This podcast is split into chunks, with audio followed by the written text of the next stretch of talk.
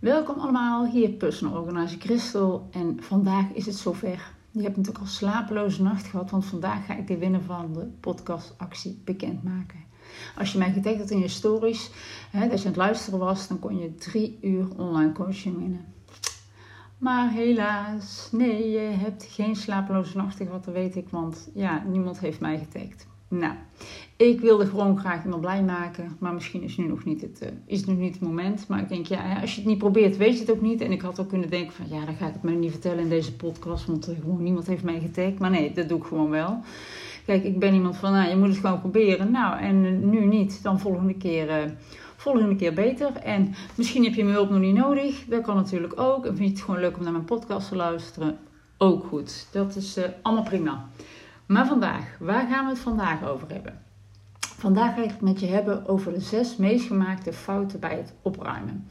Uh, nou, je gaat hè, aan de slag met die opruimklus en je denkt wel te weten hoe het allemaal moet. En, uh, maar misschien heb je ook wel wat beginnersfoutjes gemaakt. En ik heb ze even voor jou op een rijtje gezet, zodat je ze in ieder geval bij de volgende opruimklus niet meer maakt. Dan vertel ik er ook meteen even bij hoe het, ja, hoe het wel moet. Hè, nou moet uh, hoe je het in ieder geval beter zou kunnen aanpakken. Nou, de eerste eh, fout waarbij veel mensen in de fout gaan, dat is uh, ze gaan aan de slag zonder een plan of zonder een doel. Uh, je begint maar gewoon ergens. En natuurlijk is beginnen altijd goed, hè? want beginnen is voor sommige mensen al moeilijk, omdat ze niet weten waar ze moeten beginnen. En beginnen ze maar niet. Maar het is wel effectiever om daarbij een plan of een doel te hebben. Zeker als je meerdere ruimtes aan wilt pakken. Want zonder plan en doel ja, ga je doelloos aan de slag. Waardoor de kans groot is dat je maar wat doet. En dat voelt, ja, dat voelt niet bevredigend. Hè? Dat je eigenlijk als kip zonder kop eigenlijk maar door het huis aan het rennen bent. Zonder doel, eh, zonder plan. En aan het einde van de dag denk je, ja, wat heb ik nou eigenlijk in hemelsnaam gedaan? Daarbij, als je niet weet wat je doel is, dan kun je het ook niet behalen natuurlijk. Dus dan denk je, ja, ben ik nou klaar? Ja, wat, wat was mijn doel eigenlijk? Ja, ik weet ook niet of ik klaar ben. Dus als je ziet, als je een doel hebt en je ziet dan van, hé, hey, ja, ik heb het behaald, dat is natuurlijk ook veel fijner. Dus ga er even rustig voor zitten met een kop thee of kop koffie en bedenk welke ruimte ga je eerst doen. Hoe wil je dat een bepaalde ruimte eruit komt te zien? En welke functie heeft die ruimte? Welke spullen horen daar wel? Welke spullen horen daar niet? En dus bepaal jouw opruimplan. Nou, fout nummertje 2. Je koopt voor de opruimklus al opbergmaterialen. Nou, je bent van plan om op te gaan ruimen en alles leuk en overzichtelijk in bakjes te doen. Nou, daar juich ik alleen maar toe. Dus je gaat naar de winkel, komt bakjes en dan ga je aan de slag met opruimen. Nou, dan ben je klaar met opruimen. En dan zie je eigenlijk pas wat er aan spullen overblijft. En pas dan weet je hoeveel bakjes je werkelijk nodig hebt en hoe groot die moeten zijn. Dus, dan gaan we het aan eerst opruimen. En bekijk dan welke opruimmaterialen je echt nodig hebt, welke bakjes. Hè, voor de spullen die, die je houdt. Want vaak kom je er na het opruimen achter dat je eigenlijk toch twee kleine mandjes nodig hebt in plaats van één grote. En wellicht kom je tijdens het opruimen zelf nog leuke bakjes tegen. Dus hoef je niets te kopen. Ja, wat je ook kan doen, hè, dat zou altijd nog kunnen. Of je koopt ze in allerlei soorten en maten en je bewaart de bon en de bakjes die je niet nodig hebt, kun je dan nog terugbrengen. Dat zou natuurlijk wel uh, ook een mogelijkheid zijn. Nou, fout nummer drie. Bij de volgende ja, gaan deze, ja, hier gaan ook heel veel mensen de, de mist in. Uh, je onderschat je opruimklus. Nou, opruimen kost altijd meer tijd dan je vooraf denkt. pas na een paar opruimsessies kun je wellicht beter inschatten wat het je aan tijd kost. kun je snel beslissingen nemen? Blijf je uren staren naar al die foto's die voorbij komen? Ben je snel afgeleid door de berichtjes op je telefoon? Allemaal factoren die van invloed zijn op jouw opruimtijd. En als je die tijd ervoor niet realistisch hebt gepland, ja, dan kun je het dus ook niet afmaken. Ja, stel je hebt twee uur gepland voor een kast en halverwege is het twee uur voorbij. En dan zit je dan, al je spullen verspreid in huis. En uh, dan denk je, oké, nou ik zet het maar even snel terug in de kast. Want ja, ik heb een afspraak, dus ik moet weer verder. Nou, dat is dan ook super zonde, want dan moet je de volgende keer weer alles uit de kast halen. En dan heb je eigenlijk ook gewoon dubbel werk.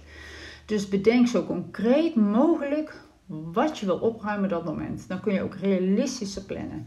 Dus bijvoorbeeld, uh, ik heb vandaag twee uur de tijd, dus ik ga twee keukenkastjes doen. En als je dan nog tijd over hebt, ga je verder met het volgende kastje. En dat voelt beter dan tijd tekort hebben. Hè? Mijn tip, plan altijd ruim. Want liever tijd over om nog wat extra te doen, dan een onafgemaakte opruimklus en alles ligt overhoop.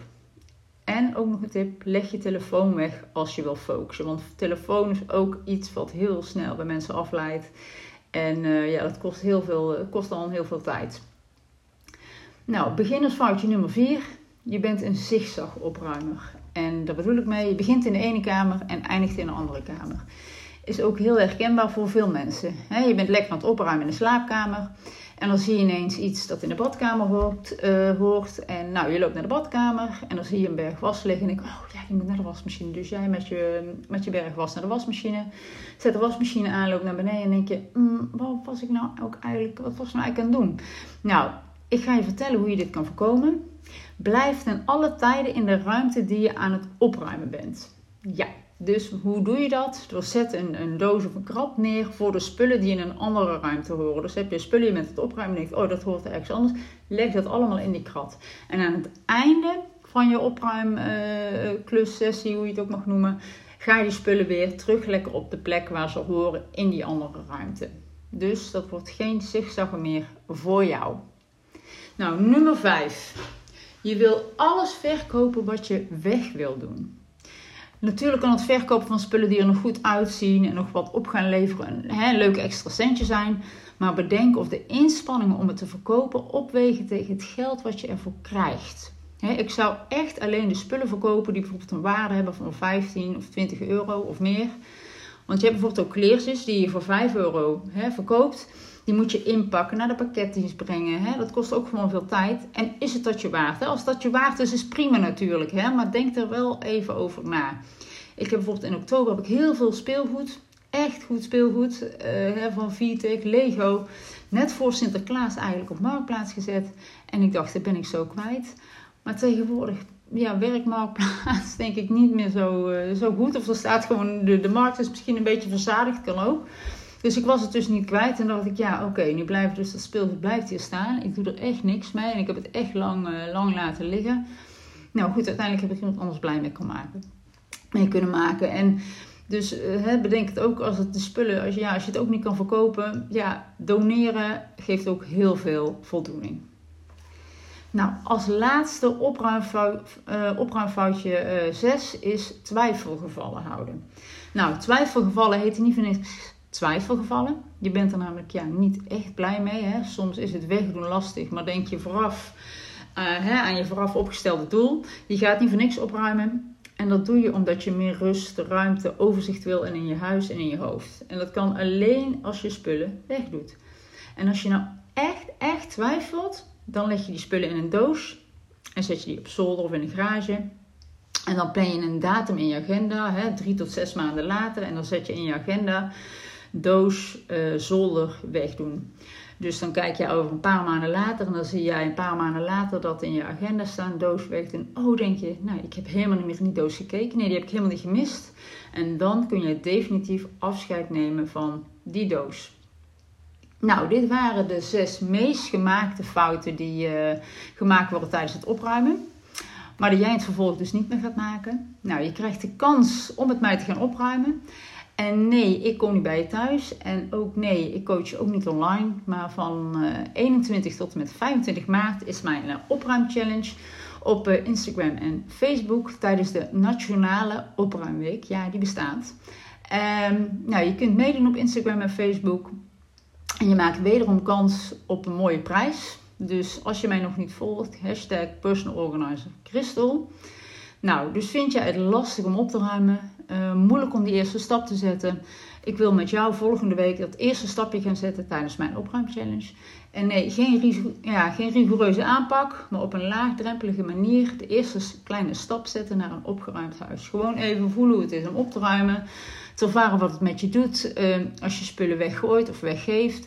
En uh, kijk, natuurlijk is na vijf dagen niet je hele huis opgeruimd. Hè? Dus maak je geen illusies. Ik kan ook niet toveren. Maar als je volgende week met mij meedoet, dan maak je ook kans op een mooie prijs. En je kunt je huis opruimen en een prijs winnen. Nou, dat klinkt helemaal goed, dacht ik zo.